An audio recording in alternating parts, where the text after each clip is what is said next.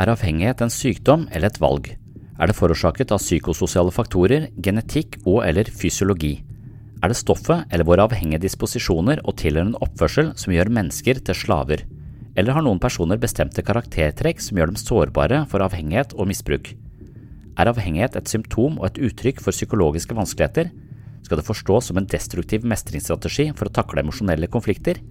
Spørsmålene er mange, og svarene spriker i like mange retninger. Selv om avhengighet har vært et velkjent fenomen i flere hundre år, så finnes det fremdeles ingen klar enighet om definisjonen på avhengighet. Det er også mange ting vi mennesker utvikler et avhengighetsforhold til. Det kan dreie seg om rusmidler, sex, gaming og mye mer. Hvordan skal vi egentlig forstå menneskelig avhengighet? Dette er tema i episode 171 på min podkast Sinnsyn. Hvis du har blitt avhengig av sinnssyn, ønsker å støtte prosjektet og få tilgang på masse ekstramateriale, kan du skaffe deg et abonnement på mitt mentale treningsstudio på patrion.com for sinnssyn.